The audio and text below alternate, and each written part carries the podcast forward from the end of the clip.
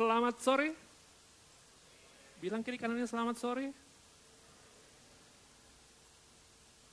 Ada kasih karunia untuk kita semua. Amin.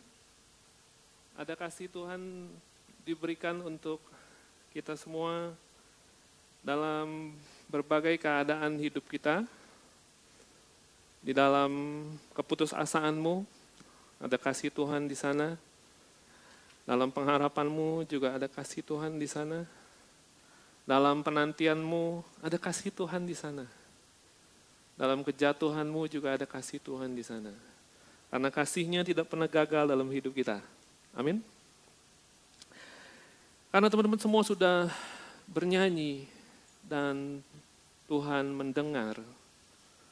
Sekarang giliran teman-teman mendengar. Karena Tuhan mau berbicara. Amin. Boleh dong bergantian?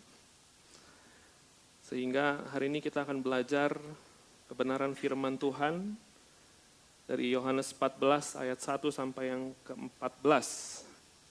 Kita akan belajar, uh, ini adalah perkataan Yesus yang keenam tentang siapa dirinya. Ia mengatakan bahwa ia adalah jalan, kebenaran, dan hidup. Ia adalah jalan, kebenaran, dan hidup. Ada tujuh perkataan Yesus tentang siapa dirinya, seven great I am. Kita sudah masuk yang keenam. Minggu depan yang terakhir, Yesus adalah pokok anggur yang benar. Nah, hari ini kita akan belajar, kita sering kali mendengar tentang ayat ini, akulah jalan kebenaran dan hidup. Ada lagunya juga, You are the way, the truth, and the life. Ya ini angkatan angkatan 90-an yang tahu lagu itu. Mari kita berdoa sekali lagi. Bapak dalam kerajaan surga, terima kasih bahwa di dalam kasih karuniamu yang besar, Engkau menaruh kasih kepada kehidupan kami orang-orang yang berdosa ini. Dan kau nyatakan itu semua dalam berita Injil, yaitu kehidupan, kematian, dan kebangkitanmu yang menyelamatkan kami. Kiranya roh kudus menyadarkan kami akan betapa tinggi, lebar, dalam, dan panjangnya kasih Allah dalam hidup kami. Dan dapat mengenal kasih itu sekalipun melampaui pengetahuan. Itu semua telah engkau nyatakan di dalam pribadi Yesus Kristus dan di dalam kebenaran firman-Mu yang telah engkau berikan kepada kami. Dalam nama Yesus kami berdoa. Amin. Nah teman-teman semua, kita tahu tentang perkataan Yesus ini, aku adalah jalan kebenaran dan hidup. Tapi mari kita lihat terlebih dahulu konteksnya, karena aku akan bahas dari Yohanes 14 ayat 1 sampai 6 saja. Nah, tapi sebelum kita masuk ke Yohanes 14 ayat 1, kita perlu tahu gini, ketika Yesus mengatakan bahwa akulah jalan kebenaran dan hidup, dia mengatakan itu satu hari sebelum dia mati di atas kayu salib. Jadi Yesus mati di hari Jumat, dan Yesus mengatakan, akulah jalan, kebenaran, dan hidup itu hari Kamis. Dan tiga pasal terakhir, atau empat pasal terakhir sebelum Yesus mati di kayu salib, yaitu Yohanes pasal 13, 14, 15, kalau nggak salah sampai 16, itu adalah perkataan Yesus yang dia nyatakan kepada murid-muridnya satu hari sebelum kematiannya. Dan dalam Yohanes 13, 14, 15, 16 semua itu adalah kisah-kisah terakhir dimulai daripada Yesus masuk ke Yerusalem dilulukan, dilulukan itu bukan, lu, lu, lu, bukan. Apa, dipuji-puji gitu maksudnya. Kemudian Yesus diurapi, ya. Kemudian Yesus membasuh kaki murid-muridnya. Kemudian Yesus memperingati Yudas. Yesus memberikan perintah yang terakhir. Sorry, bukan perintah yang terakhir. Perintah yang utama dan terutama. Dan Yohanes 13, 14, 15, 16 itu Yesus sedang menceritakan, menjelaskan bahwa dirinya ini akan ditangkap dan akan mati di kayu salib bagi kita semua. Dan kita melihat dalam Yohanes 13 ayat 36. Setelah Yesus menceritakan itu semua, Simon Petrus berkata kepada Yesus, Tuhan, ke manakah engkau pergi? Oke, karena Yesus kasih tahu kepada murid-muridnya bahwa dia akan pergi dan dia akan mati, ditangkap, dan sebagainya. Jawab Yesus, ke tempat aku pergi, engkau tidak dapat mengikuti aku sekarang. Tetapi kelak, engkau akan mengikuti aku. Kata Petrus kepadanya, Tuhan, mengapa aku tidak dapat mengikuti engkau sekarang? Aku akan memberikan nyawaku bagimu. Keren ya? Memang Petrus ini yang paling, kalau bicara, paling menggebu-gebu. Bicaranya paling berapi-api. Ambisinya, visinya, keberaniannya. Tapi melampaui kapasitasnya. Lalu Yesus bilang begini, nyawamu akan kau berikan bagiku. Sesungguhnya aku berkata kepadamu, sebelum ayam berkokok engkau telah menyangkal aku tiga kali. Jadi Yesus ngomong, Hah? Kamu kasih nyawamu bagi aku? Sesungguhnya sebelum ayam berkokok, tiga kali kamu sangkal aku. Setelah Yesus menubuatkan penyangkalan Petrus ini, Yesus mulai meneguhkan iman mereka.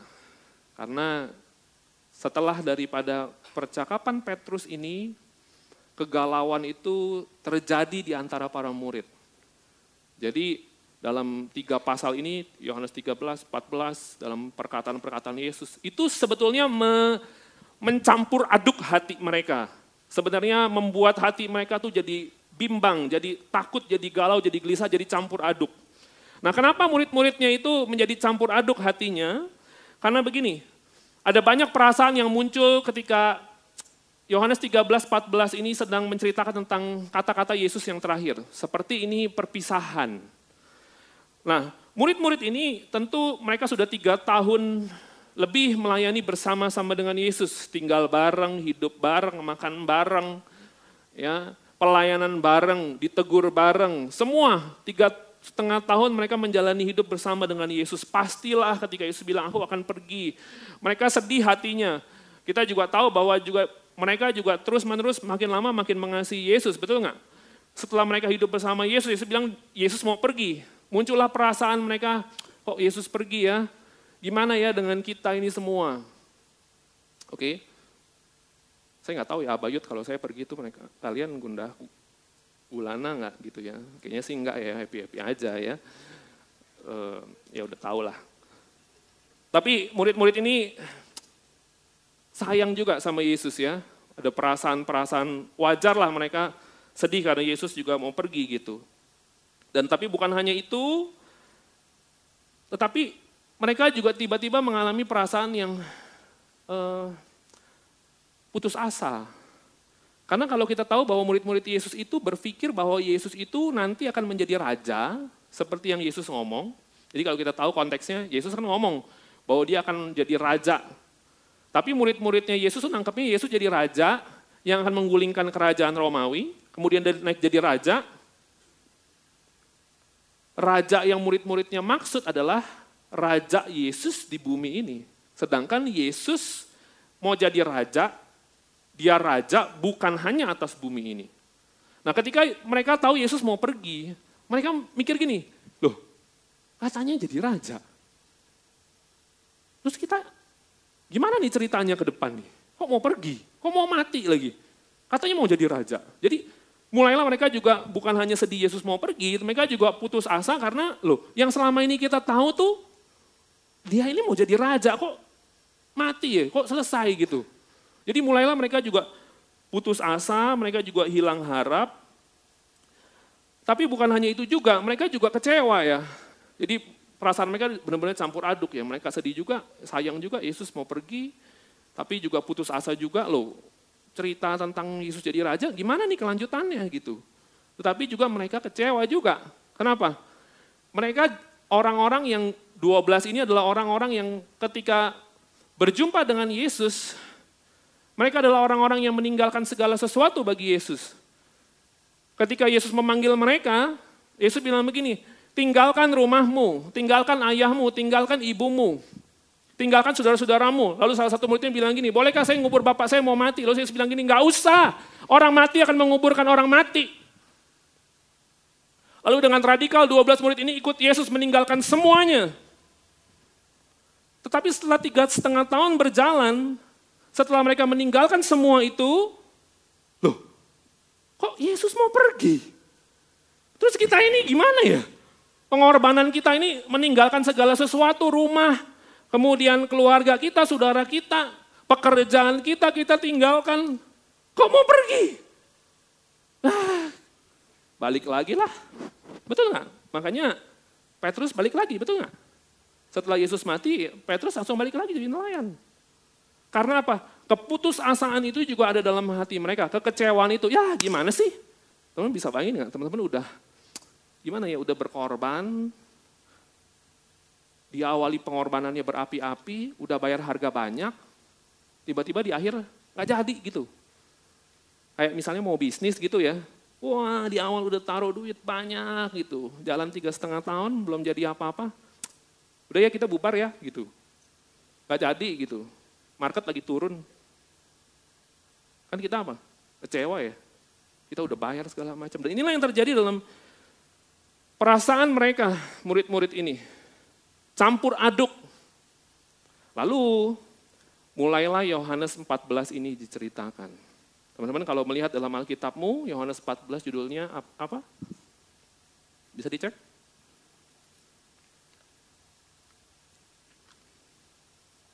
Rumah Bapak. Ada yang mau ke rumah Bapak? Telah dipanggil pulang.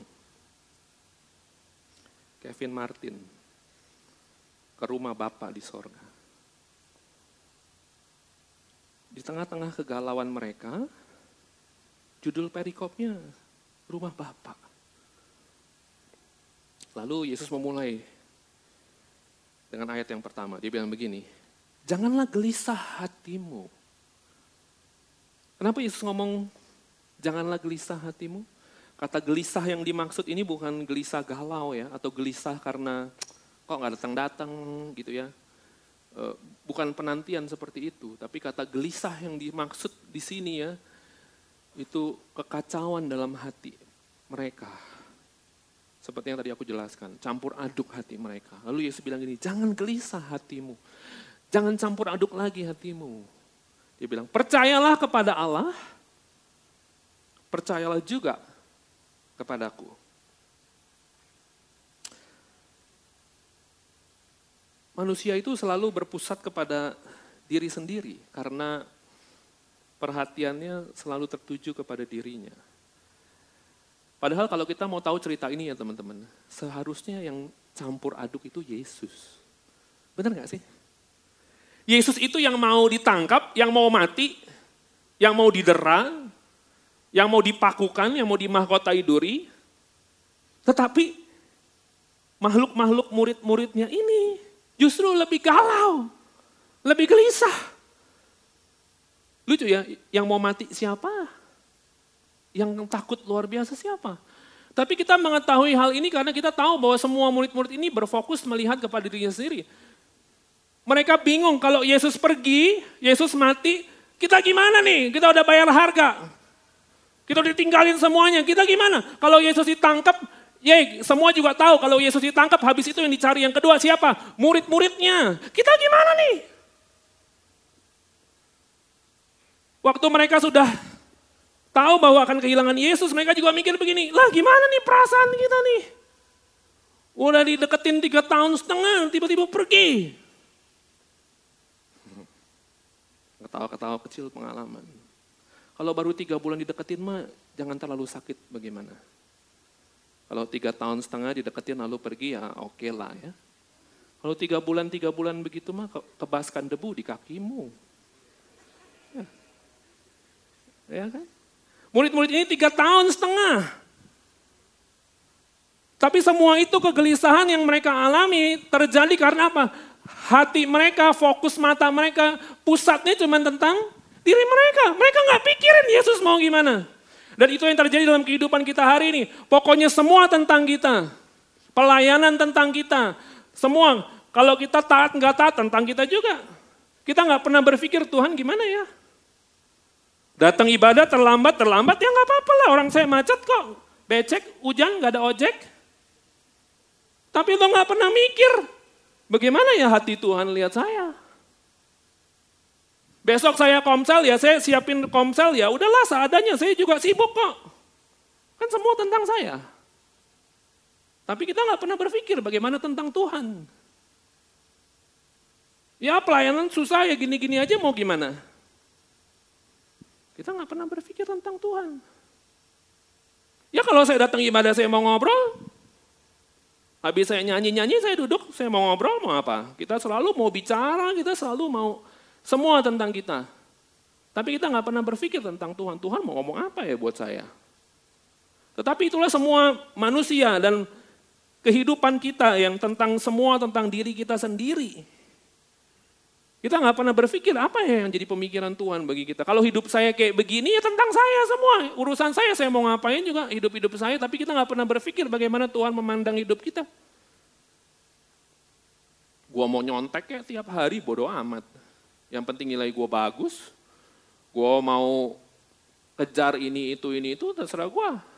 Tapi kita nggak pernah berpikir bagaimana pandangan Allah dan bagaimana apa yang Allah rasakan ketika dia melihat kehidupan kita. Dan itulah yang terjadi dalam murid-murid ini. Tetapi kasih Yesus melampaui semua itu. Seharusnya dia orang yang paling galau. Seharusnya dia orang yang paling campur aduk.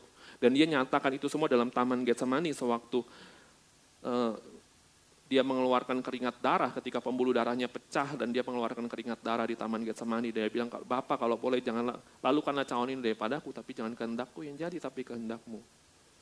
Hatiku sakit sekali, hatiku sedih sekali, kata Yesus, seperti mau mati rasanya. Semua murid-murid pada ngomong, kita takut, kita gini, gini, gini, gini. Tapi di Taman Getsemani, Yesus ngomong itu semua kepada Bapak. Saya lebih takut lagi sampai mau mati rasanya, kata Yesus. Kenapa dia lakukan itu? Karena kasihnya melampaui itu semua. Melampaui keterpusatan diri kita kepada diri kita sendiri. Makanya dia meneguhkan murid-muridnya. Yang kalau di dalam hati Yesus bisa bilang gini, ampun, ampun murid-murid ini. Kok jadi lu yang campur aduk? Tapi Yesus di dalam kasih dia mengatakan jangan gelisah hatimu. Percayalah kepada Allah dan percayalah juga kepadaku. Kenapa Yesus mengatakan percayalah kepada Allah? Yesus mau mengatakan gini, percayalah kepada kasih Bapa untuk hidupmu. Dan percayalah juga kepadaku, yang kasihnya akan dinyatakan lewat kematian dan kebangkitanku bagimu. Di dalam ketakutan mereka semua, Yesus mengingatkan mereka, Yesus membawa mereka kepada Allah. Percayalah kepada Allah Percayalah kepada kasihnya. Sejak semula dia telah mengasihi engkau. Dan dia membuktikan kasihnya dengan dia memberikan aku mati bagimu. Percayalah juga kepadaku. Inilah poin pertama firman Tuhan hari ini. Murid-murid Yesus mengalami kekacauan dalam jiwa mereka. Karena keterpusatan hati mereka kepada diri mereka sendiri. Namun begitu, Yesus membawa mereka untuk percaya kepada Allah dan kepada dirinya. Adakah hari ini teman-teman semua kita sedang berpusat kepada diri kita sendiri? Teman-teman tahu kekacauan dalam hidup kita semua terjadi karena kita berpusat kepada diri sendiri. Semua kegalauanmu, semua ketakutanmu, semua putus asamu, karena engkau melihat kepada dirimu sendiri, berfokus kepada dirimu sendiri. Kenapa hari ini kita ada dalam dosa? Karena kita berfokus kepada diri kita sendiri. Kenapa engkau sedang khawatir dengan hari esok? Karena engkau berfokus kepada dirimu sendiri. Kenapa engkau kecewa dengan pemimpinmu? Karena engkau berfokus kepada dirimu sendiri. Tetapi Yesus mengenal kita semua, sehingga dia mengembalikan fokus hati kita, kepercayaan kita kepada Allah. Dia bilang, janganlah gelisah hatimu. Hei teman-teman yang lagi galau, yang tiga bulan habis di PHP-in, jangan gelisah hatimu, kata Tuhan. Percayalah kepada Allah, dia mengasihimu. Engkau yang sedang tidak lulus interview kerja di perusahaan yang kau mau, dia berkata, jangan gelisah hatimu. Ada kasih Allah untukmu. Engkau yang sedang menanti bertahun-tahun tidak dapat jodoh, bukan tidak dapat, belum dapat. Engkau yang sudah dapat jodoh lalu ditinggalkan, Oh, kenapa dia duduk di tengah sendiri seperti ini? Percayalah kepada kasih Allah. Kau yang hari ini keluargamu sedang tidak baik, percayalah kepada Allah dan kasihnya untukmu. Kau yang hari ini sedang mengalami banyak konflik, proses yang berat dalam hidupmu, kata Tuhan Yesus jangan gelisah hatimu, percayalah kepada Allah. Karena hatinya selalu ada untukmu. Karena kasihnya ada untukmu dan percayalah juga kepadaku kata Yesus. Aku telah menyelesaikan segala sesuatu dalam hidupmu di atas kayu salib. Itu yang dia mau katakan kepada kita semua.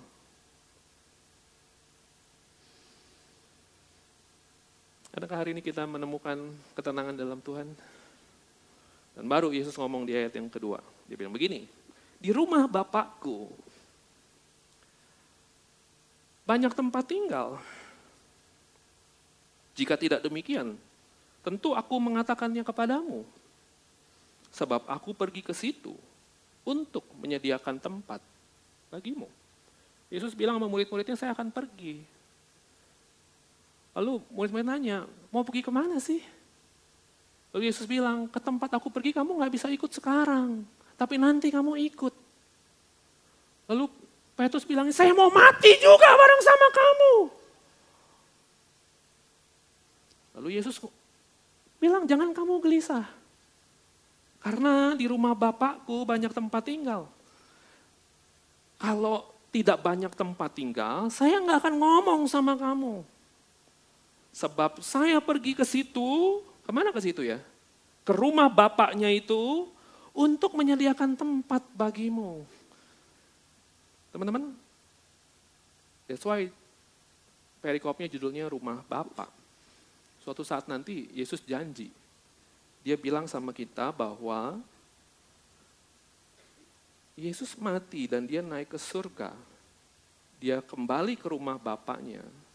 Dia janji suatu saat dia akan ajak kita ke sana. Teman-teman ini kita masuk ke dalam eskatologi, teologi akhir zaman. Dan semua daripada kalian perlu tahu. Kenapa? Karena Yesus ajak kalian ke sana. Teman-teman bisa nggak ya diajak orang, diajak, diajak temanmu, eh ikut yuk, ke mana? Ikut aja. Terus kita orang yang, oh oke okay, yuk ikut.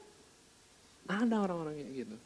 Tapi Yesus nggak seperti itu. Dia mau ajak kita ke rumah Bapaknya suatu saat nanti. Dan dia akan jelaskan kepada kita seperti apa rumah Bapaknya itu. Dan semua teman-teman, meskipun engkau masih muda, engkau perlu tahu, suatu saat engkau akan ke sana. Atau engkau tidak akan ke sana. Tapi kalau engkau adalah orang-orang yang telah ditebus dan engkau percaya kepada pemberitaan kehidupan, kematian, kebangkitan Yesus, engkau akan dibawa ke sana. Dan engkau akan dibawa ke rumah Bapaknya. Rumah Bapakku. Kalau kita melihat dalam Yohanes pasal yang kedua, kalau teman-teman juga tahu ceritanya ketika Yesus datang ke bait Allah, kemudian dia menemukan ada banyak orang-orang berdagang di bait Allah kemudian ada penyamun-penyamun di situ, kemudian ada orang berjualan di bait Allah. Lalu Yesus kemudian mulai marah, kemudian dia mulai membuat cambuk daripada tali, kemudian Yesus angkat cambuknya, dia cambukin semua barang-barang itu, kemudian meja-meja tukar uang di bait Allah dia gulingkan semua. Dan Yesus bilang begini, rumah Bapakku kau jadikan sarang penyamun. Apa yang dimaksud Yesus rumah Bapak? Apakah rumah Bapak yang itu, yang dulu? Dan Yesus ngomong begini, tapi dulu, rumah Bapakku engkau jadikan sarang penyamun. Lihat aku akan rubuhkan bait Allah ini. Dan dalam tiga hari aku akan bangun kembali. Lalu semua orang mulai bilang dia gila. Dia bilang orang-orang bilang begini, Salomo apa segala macam bangun bait Allah ini berapa puluh tahun. Kau pikir engkau siapa engkau mau bangun dalam waktu tiga hari? Tetapi yang Yesus maksudkan adalah bukan rumah bait Allah yang ada di Yerusalem. Karena beberapa puluh tahun semenjak Yesus mati, bait Allah Yerusalem dihancurkan. Tetapi waktu Yesus bilang begini, rumah Bapakku engkau jadikan sarang penyamun. Rombak bait Allah ini dalam tiga hari saya akan bangun kembali. Apa yang dia maksudkan? Dia sedang mengatakan dia akan mati, dia akan bangkit, dan dia akan mendirikan rumah Bapak yang sesungguhnya, yang tidak ada di bumi ini, yang tidak bisa dirusak. Lalu kenapa ada bait Allah pada waktu itu? Ibrani 9 ayat 23 mengatakan bahwa semua yang ada di bumi ini, hal-hal yang diurapi dan dikuduskan di bumi ini, itu semua menggambarkan tentang apa yang akan ada di sorga. Ketika Allah mengizinkan bait Allah ada di bumi ini, Tuhan sedang memberitahu bahwa Allah ingin berdiam bersama-sama dengan umatnya. Tetapi bukan hanya di bumi yang sementara ini, tetapi juga sampai kekal. Makanya ketika Yesus mengatakan, rombak bait Allah ini dalam tiga hari aku akan bangun kembali. Lalu orang-orang marah bilang ini, gila lo dia bilang. Kita ini bangun ini berapa puluh tahun, lu mau lu bilang itu siapa lu bangun dalam tiga hari? Tetapi yang Yesus bangun adalah rumah Bapaknya di sorga. Dan suatu saat nanti, kita semua yang mati di dalam Kristus, kita akan dibawa masuk ke dalam rumah Bapak. Teman-teman mau tahu seperti apa rumahnya? Yesus bilang, di rumah Bapakku banyak tempat tinggal. Kayak kos-kosan gitu. Atau seperti apartemen. Abayut aja ada 600. Kamarnya berapa? Belum lagi gereja-gereja yang lain. Jemaat Tuhan yang lain. Teman-teman pernah membayangkan bagaimana rumah yang yang dia sediakan untukmu? Mungkin teman-teman nggak pernah berpikir ibadah anak muda kita khotbahin tentang rumah Bapak ini ya. Tapi engkau perlu tahu apa yang dia sediakan untukmu. Bagaimana rumahnya? Teman bisa membayangkan bagaimana rumahnya? Mari kita bersama-sama membaca dalam Wahyu pasal yang ke-21 ayat 9 sampai yang ke-27. Begitu panjang ayatnya sehingga teman-teman perlu fokus untuk membacanya, karena inilah rumah yang dia sediakan untuk kita semua nanti. Lo mau tahu? Jangan hanya berpikir nanti menikah tinggal di mana. Aduh rumahnya mention. Kemudian rumahnya nanti mau di dekor ini. Untuk kita punya rumah idaman di bumi ini. Boleh-boleh aja nggak apa-apa juga. Tapi pernah membayangkan rumah yang dia sediakan untukmu? Karena ayat ini panjang dan teman-teman semua harus fokus. Mari kita menghargai firman Tuhan dengan kita bangkit berdiri dan kita membacanya bergantian bersama-sama.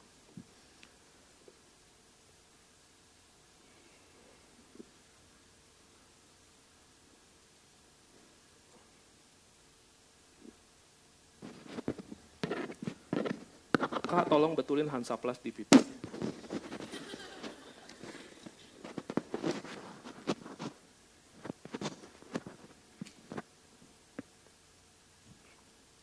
Teman-teman mau tahu rumahnya seperti apa? Mari kita baca bersama-sama secara bergantian. Dengan kita menghargai firman Tuhan ini, karena suatu saat engkau akan dibawa ke sana. Wahyu 21 ayat 9, saya akan bacakan yang ke-9, lalu kita bergantian, dan kita akan menutupnya di ayat yang ke-27 bersama-sama. Maka datanglah seorang dari ketujuh malaikat yang memegang ketujuh cawan yang penuh dengan ketujuh malapetaka terakhir itu.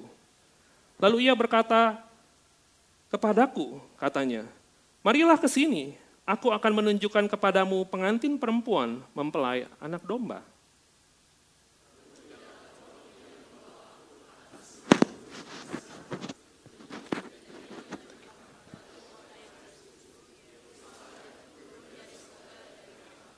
Kota itu penuh dengan kemuliaan Allah dan cahayanya sama seperti permata yang paling indah, bagaikan permata yaspis, jernih seperti kristal.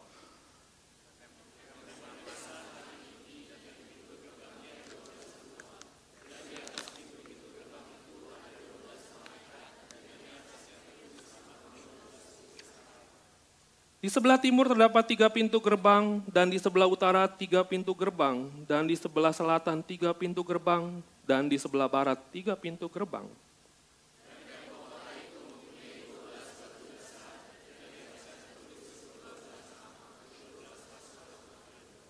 Dan ia yang berkata-kata dengan aku mempunyai suatu tongkat pengukur dari emas untuk mengukur kota itu serta pintu-pintu gerbangnya dan temboknya.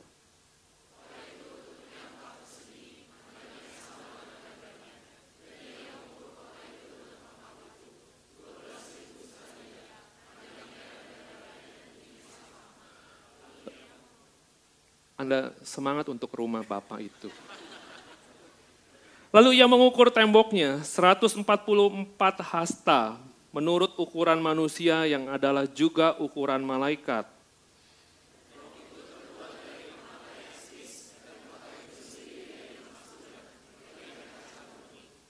Dan dasar-dasar tembok kota itu dihiasi dengan segala jenis permata. Dasar yang pertama batu jaspis, dasar yang kedua batu nilam, Dasar yang ketiga batu mirah, dasar yang keempat batu zamrud. Kita juga nggak pernah tahu batu-batu ini. Tapi nanti kita akan melihat itu. Ayat 20 silakan.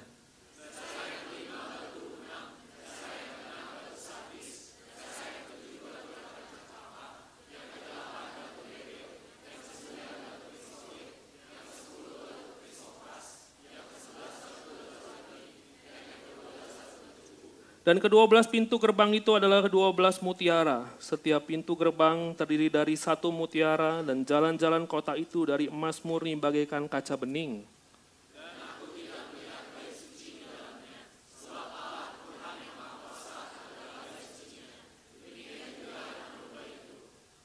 Tidak ada lagi bait suci karena sudah tidak ada, sudah rubuh, sudah diruntuhkan. Sebab yang ada di sana adalah Tuhan yang Maha Kuasa sebagai bait sucinya. Dan kota itu tidak memerlukan matahari.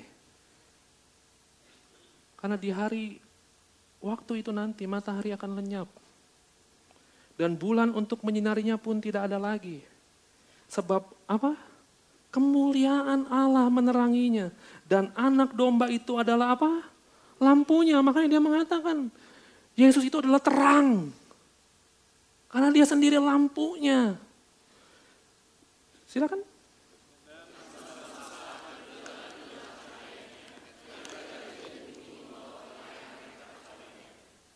Dan pintu-pintu gerbangnya tidak akan ditutup pada siang hari, sebab malam tidak akan ada lagi di sana.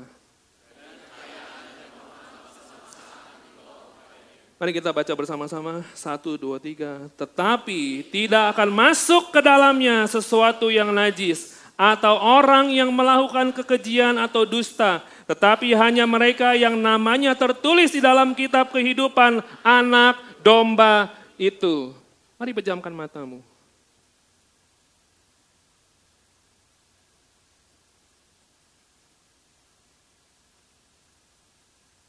Karena setiap kita akan berakhir di dalam kekekalan.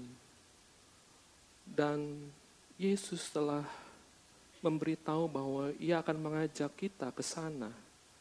Dan Alkitab telah menjelaskan seperti apa kemuliaan daripada rumah Bapaknya. Itu semua adalah kabar baik yang Yesus nyatakan kepada kita.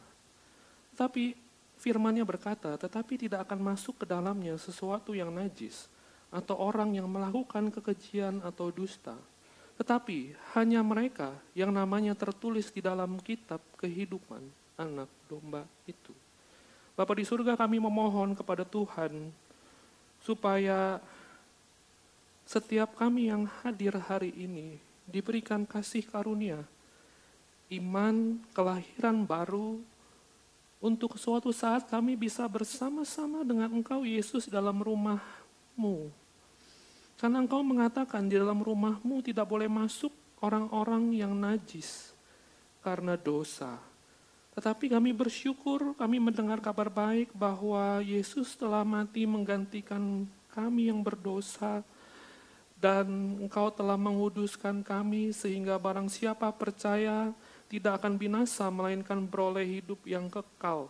Bapa di surga, karena engkaulah yang mempunyai langit dan bumi dan kerajaanmu yang kekal, dan kami adalah manusia-manusia yang hina debu dan tanah, yang tidak akan pernah bisa pantas masuk ke dalam kerajaanmu. Hari ini kami memohon belas kasihan Tuhan, supaya Tuhan mencurahkan kepada kami kasih karunia, untuk kami dapat memasuki kerajaanmu, untuk kami dapat memasuki rumahmu yang mulia dan kekal suatu saat nanti. Karena kami mengetahui bahwa suatu saat nanti kami akan mati dan kami akan dibawa kepada kehidupan yang kekal atau dibawa kepada kematian yang kekal. Oleh sebab itu Tuhan hari ini, kalau kami diizinkan mendengar kabar baik ini, izinkanlah setiap kami untuk menerima karya keselamatan Allah. Karena engkaulah satu-satunya yang membuka pintu itu untuk kami masuk dalam rumahmu. Kiranya roh kudus membuat kami semakin serius mengikut Tuhan. Karena ada rumah kekekalan yang menanti setiap anak-anakmu yang percaya dan mengikut Engkau Yesus. Dalam nama Yesus kiranya Engkau mendengar permohonan kami. Amin. Silahkan duduk teman-teman semua. Kenapa? Kenapa saya bicara ini ya? Karena semua orang perlu tahu ke mana engkau akan pergi. Kita menantikan kita punya rumah, kita punya tempat tinggal yang baik, hidup yang baik. Tapi Allah melampaui itu semua. Dia menyediakan kepadamu yang terbaik dalam kekekalan. Ketika Allah menyatakan rumahnya seperti tadi, dia sedang menyatakan bahwa ada kebahagiaan sorgawi yang dia mau kita ada di sana. Betul? Teman-teman happy tinggal di rumah yang baik? Kita nggak usah ngomong tinggal di rumah yang baik. Kalau kita datang ke hotel aja kita datang kayak orang norak ya. Dapat voucher nginep di hotel bintang 5. Wah, ya kan? Bed up-nya, ya kan? Terus kasurnya empuk. Kemudian kita mulai story-story.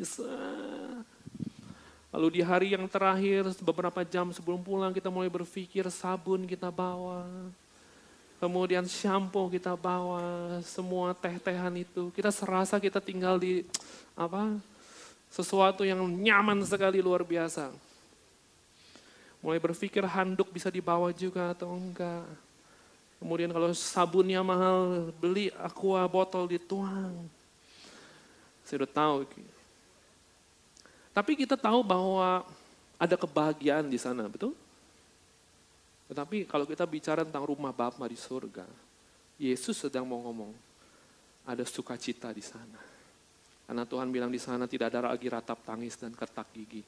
Udah nggak ada lagi masalah berat badan. Di surga, tahu, kita tuh terima tubuh kemuliaan. Kamu tahu tubuh kemuliaan itu seperti apa? Tubuh kemuliaan seperti Yesus setelah dia bangkit. Tidak ada ruang dan waktu. Dia bisa tembus tembok dinding. Kemudian sempurna, nggak ada jerawat lagi. Wah, luar biasa. Tidak ada lagi masalah berat badan. Wih, luar biasa ya. Tidak ada lagi kolesterol, tidak ada lagi. Wah, luar biasa. Eh, gini ya. Di, di Abayut ini ya, ini anak-anak SMP pelajar semua sampai sini. Ini mahasiswa-mahasiswa. Nah, ini yang udah masuk umum lima dua minggu lagi. Pas ngomong kolesterol, yang paling luar biasa soraknya ini. Ya, nah, teman-teman gini ya, Tuhan itu tebus kita lunas di kayu salib ya. Di bumi ini harus tetap jaga-jaga kolesterol ya. Walaupun nanti di surga udah nggak ada kolesterol lagi. Ya, tapi kalau nggak jaga kolesterol, piansui, piansui di bumi. Ya. Di, di surga udah nggak ada sakit penyakit. Makanya teman-teman semua, kesempurnaan, keserupaan dengan Yesus akan kita dapatkan dalam kerajaan Allah. Dan itulah janji pengharapan yang luar biasa. Dan kalau kita bicara tentang rumah Bapa, itu adalah sebuah tempat kediaman kekal kita selama-lamanya. Teman-teman semua kau perlu menyadari, kita hidup tidak selamanya di dunia ini. Kita hidup nggak selamanya di bumi ini. Semua yang kita dapatkan di bumi ini, tempat tinggal kita, itu semua adalah sementara. Tetapi kita bersyukur bahwa dia sangat mengasihi kita dan dia menyediakan kepada kita tempat di sorga. Supaya apa? Supaya dia bisa hidup bersama dengan kita dan kita hidup bersama dengan dia selama-lamanya. Itu adalah tempat kediaman kita dalam kekekalan. Dan Yesus mengatakan ayat yang ketiga, dan apabila aku telah pergi ke situ dan telah menyediakan tempat bagimu, aku akan datang kembali dan membawa kamu ke tempatku, supaya di tempat di mana aku berada, kamu pun berada. Kamu bisa menangkap isi hati Allah ya dalam ayat ini ya. Dia bilang bahwa saya nanti mati naik ke surga, saya balik ke rumah Bapak. Tapi saya janji, dia bilang, saya akan datang kembali bagimu. Dan saya akan bawa kamu ke tempatku, kata Yesus. Supaya apa? Yesus bilang gini, di mana saya berada, di situ engkau juga berada. Apa maksud daripada ayat ini? Ini sebuah kata-kata penghiburan sejati yang Tuhan berikan kepada kita. Bahwa Yesus akan datang kembali. Teman tahu maksud Yesus mau datang kembali? Dia berkata begini, Yesus yang naik ke surga, terangkat ke surga, yang dia mulai yang dia naik meninggalkan bumi ini, naik ke atas ke awan-awan permai ketika langit terbuka. Yesus yang sama akan turun dengan cara yang sama sebagaimana dia naik ke surga suatu saat nanti. Untuk apa dia turun ke dunia ini kembali? Untuk dia menjemput kita, anak-anak yang telah ditebus oleh darahnya. Dan ini adalah sebuah kepastian bahwa barang siapa mati di dalam Kristus, Yesus akan datang kembali kepadanya. Dan ketika Yesus mengatakan aku akan datang kembali, Yesus juga mau berkata apa? Suatu saat dia mau menyambut kita kembali. Dia mau menyambut kita kembali pengikut-pengikutnya yang setia.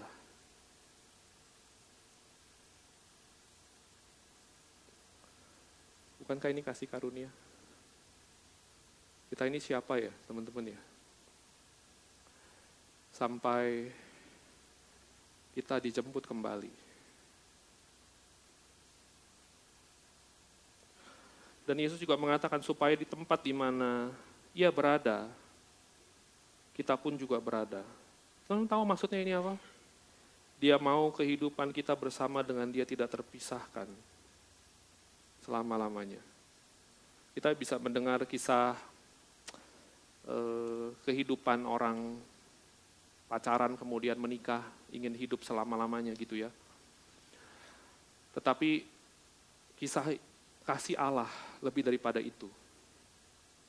Ketika dia bilang supaya di tempat aku berada, kamu pun berada, dia sudah dia ingin ngomong bahwa dia mau kita hidup bersama-sama dengan dia selama-lamanya. Dan bukan hanya itu, ketika dia bilang, aku akan datang kembali dan membawa kamu ke tempatku, supaya di tempat di mana aku berada, kamu pun berada.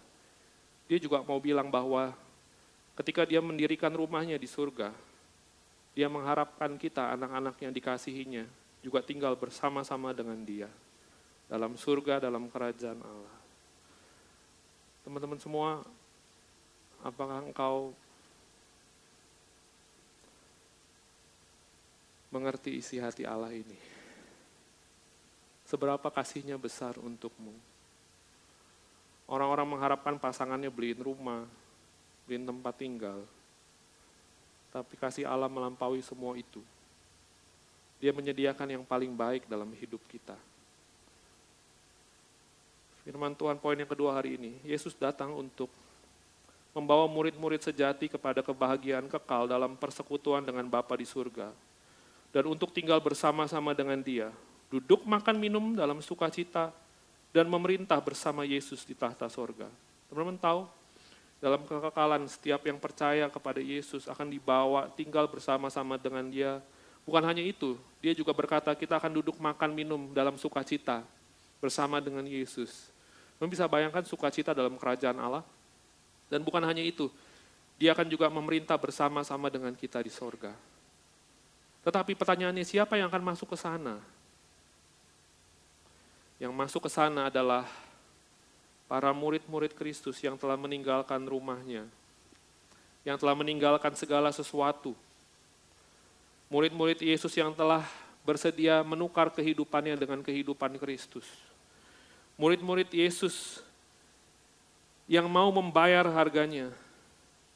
Mereka akan masuk ke rumah Bapa di surga sebagai upah bagi mereka yang mengasihi dia.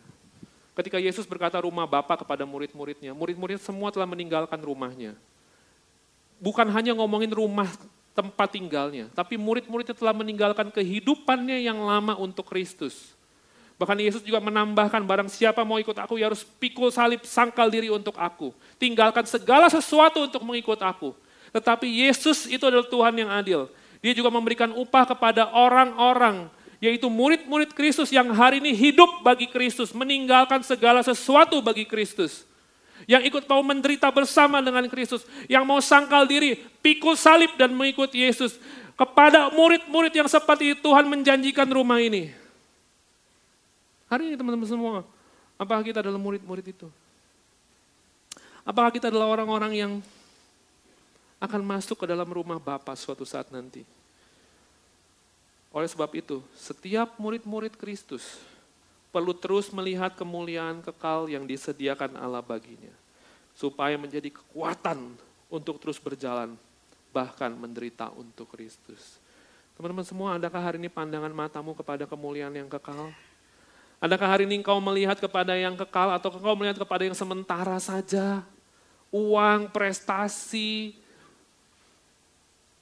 perjodohan, apa pun yang sementara tapi setiap kita perlu melihat kepada apa yang kekal. Lihatlah bahwa suatu saat nanti Yesus akan datang kembali menjemputmu. Dia mengasihi engkau dan dia akan membawa engkau kepada rumah Bapaknya. Yang di dalam kekekalan kau tinggal di sana bersekutu, makan minum dalam sukacita.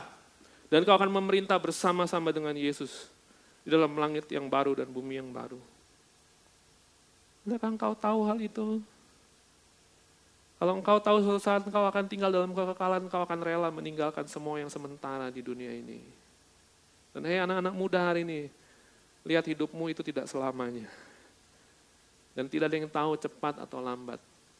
Tapi yang pasti rumah Bapa disediakan untuk murid-murid yang sungguh-sungguh mengasihi Yesus. Dan ayat yang keempat, dan ke mana aku pergi, sorry ayat yang ketiga. Dan apabila aku telah pergi ke situ dan telah menyediakan tempat bagimu, aku akan datang kembali dan membawa engkau ke tempatku, supaya di mana aku berada, kamu pun berada. Dan ke mana aku pergi, kamu tahu jalan ke situ. Lalu kata Thomas kepadanya, Tuhan kami tidak tahu ke mana engkau pergi. Jadi bagaimana kami tahu jalan ke situ? Thomas masih berpikir itu ada di bumi ini. Sehingga dia bilang, kita ini nggak tahu jalannya bagaimana. Lalu ayat yang terakhir, Mari teman-teman tim penyembahan boleh maju ke depan. Yesus mengatakan kepada mereka, Akulah jalan dan kebenaran dan hidup.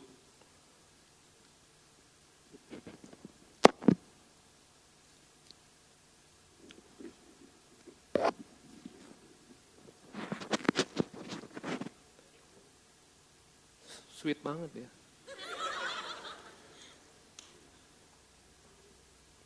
Mari kita baca ayat ini bersama-sama. Yohanes 14 ayat 6. 1, 2, 3. Kata Yesus kepadanya, Akulah jalan dan kebenaran dan hidup. Tidak ada seorang pun yang datang kepada Bapa kalau tidak melalui aku. Poin terakhir firman Tuhan hari ini. Yesus adalah satu-satunya jalan yang membawa kita kepada Bapa. Kamu nggak bisa datang ke rumah Bapak kalau nggak lewat Yesus. Kamu nggak bisa datang kepada Bapak kalau kau nggak pernah percaya kepada Yesus. Kau nggak bisa masuk ke rumah Bapak kalau engkau tidak mempercayakan dirimu, hidupmu kepada Yesus. Kau nggak bisa masuk ke rumah Bapak kalau engkau tidak pernah dilahirkan baru dalam imanmu yang percaya kepada Yesus yang mati bagimu. Kau tidak akan pernah masuk ke rumah Bapa kalau suatu saat dia tidak menjemputmu. Dia mengatakan, akulah jalan. Kemarin dia mengatakan, akulah pintu itu. Dia juga mengatakan, akulah gembala yang baik. Aku menuntun kamu. Lalu hari ini dia mengatakan, akulah jalan. Dia juga mengatakan, aku adalah kebenaran itu. Kamu tahu maksud daripada kebenaran ini? Kebenaran adalah hukum yang tertinggi. Otoritas yang tertinggi. Yang akan menolong kita melawan kebohongan dunia ini. Dia bilang, akulah kebenaran. Engkau nggak bisa masuk rumah bapakku kalau engkau terus-terus ikut dunia ini. Dunia ini bohong sama kamu. Tapi kalau selama ini engkau ikut dunia ini, engkau ikut temanmu nyontek buat jahat, engkau ikut, engkau ikut teman kantormu korup, engkau ikut korup. Engkau ikut jalan-jalan dunia ini, kata Yesus, nggak bisa masuk. Karena yang masuk ke rumah Bapakku lewat aku yang adalah kebenaran. Kalau hidupmu dipenuhi oleh tipu daya dunia ini. Apa kata orang, apa kata temanmu. Kau hidup karena dunia ini ngomong. Kalau misalnya likesmu tinggi, kau berharga. Kalau misalnya begini, begini, dan kau percaya, kau ikut. Kau jadi gelisah hatimu. Kata Yesus, kau gak bisa masuk. Dan Yesus juga mengatakan, Akulah kehidupan itu. Apa yang dia mau ngomong? Akulah pribadi yang berjanji. Di mana dunia ini tidak bisa berjanji memberikan kehidupan setelah kematian. Tapi aku satu-satunya pribadi yang berjanji. Suatu saat setiap yang mati di dalam Yesus, aku akan membangkitkannya kembali pada akhir zaman. Dan orang-orang yang percaya dan hidup di dalam kebenaran, Yesus adalah jalan kebenaran dan hidup mereka lah yang akan masuk ke rumah Bapa di surga. Sebuah pertanyaan perenungan terakhir untuk kita melihat diri kita. Apakah Yesus sudah menjadi jalan hidup kita? Apakah dia menjadi kebenaran hidup kita? Apakah dia satu-satunya kehidupan kita? Apakah Yesus adalah jalan? Apakah kehidupan saya dijalani atas di atas Kristus atau di atas jalan-jalanmu sendiri? Ya anak muda hari ini kamu jalan berdasarkan jalan-jalan Tuhan atau kau jalan di atas jalanmu sendiri, pengertianmu sendiri, apa yang kau anggap benar. Kau nggak bisa ke rumah Bapak kalau kau hidup dalam jalan-jalanmu yang kau pikir itu baik untuk dirimu sendiri. Apakah Yesus adalah kebenaran hidupmu? Apakah saya hidup oleh kebenaran firman Kristus atau oleh kebohongan dunia? Apakah kau mengikuti jalan-jalan dunia ini? Kau nggak bisa masuk ke rumah Bapak. Apakah kau jadikan kebenaran sebagai satu-satunya otoritas yang tertinggi, yang kau cari setiap hari, yang kau taati senantiasa. Meskipun kau gagal, kau mencoba mentaati lagi. Meskipun ada banyak suara-suara kebohongan yang masuk dalam hidupmu, kau terus belajar menggantikannya dengan kebenaran. Karena engkau tahu hanya kebenaran yang akan menyelamatkan engkau. Engkau akan dibawa masuk ke rumah Bapa di surga. Apakah kita hari ini tahu bahwa Yesus adalah kehidupan kita. Pertanyaan saya adalah, apakah saya sudah menerima hidup yang kekal di dalam Kristus? Apakah engkau semua teman-teman telah mengetahui dengan pasti engkau adalah orang-orang yang telah diselamatkan oleh Yesus? Barang siapa melakukan hal-hal ini, kita akan bersama-sama masuk ke dalam rumah Bapa. Mari kita bersatu dulu sebentar, ada sebuah lagu yang mungkin teman-teman baru pertama kali dengar. Lagu ini menceritakan bahwa suatu saat nanti Yesus datang lagi. Dia mau jemput kamu. Dia mau ajak kamu. Mari kita ambil waktu saat itu kita nyanyikan lagu ini bersama-sama. Ada liriknya di depan.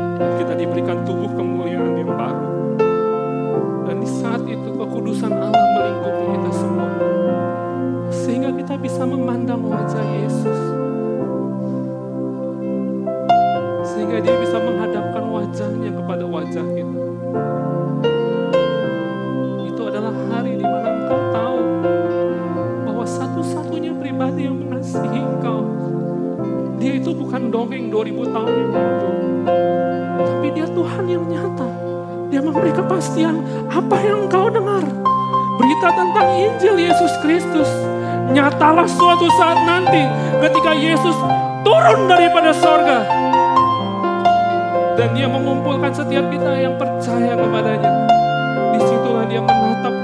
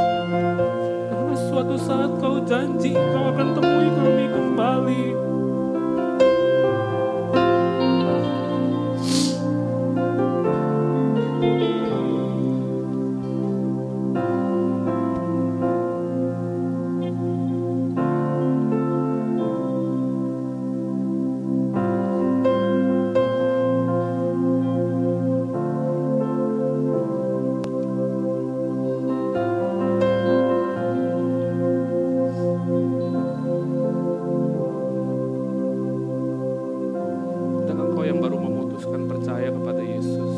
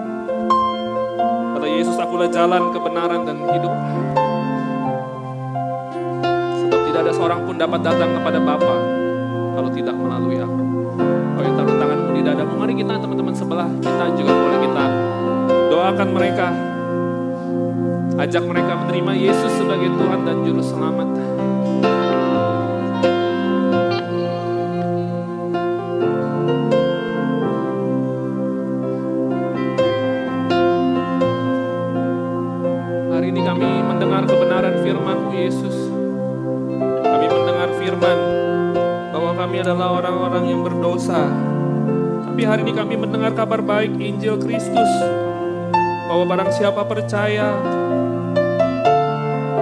dan menerima Yesus sebagai Tuhan dan Juru Selamat atas hidupnya. Mereka akan bersatu dalam kematian dan kebangkitan Kristus dan akan dibawa masuk dalam kerajaan yang kekal, rumah Bapa di surga.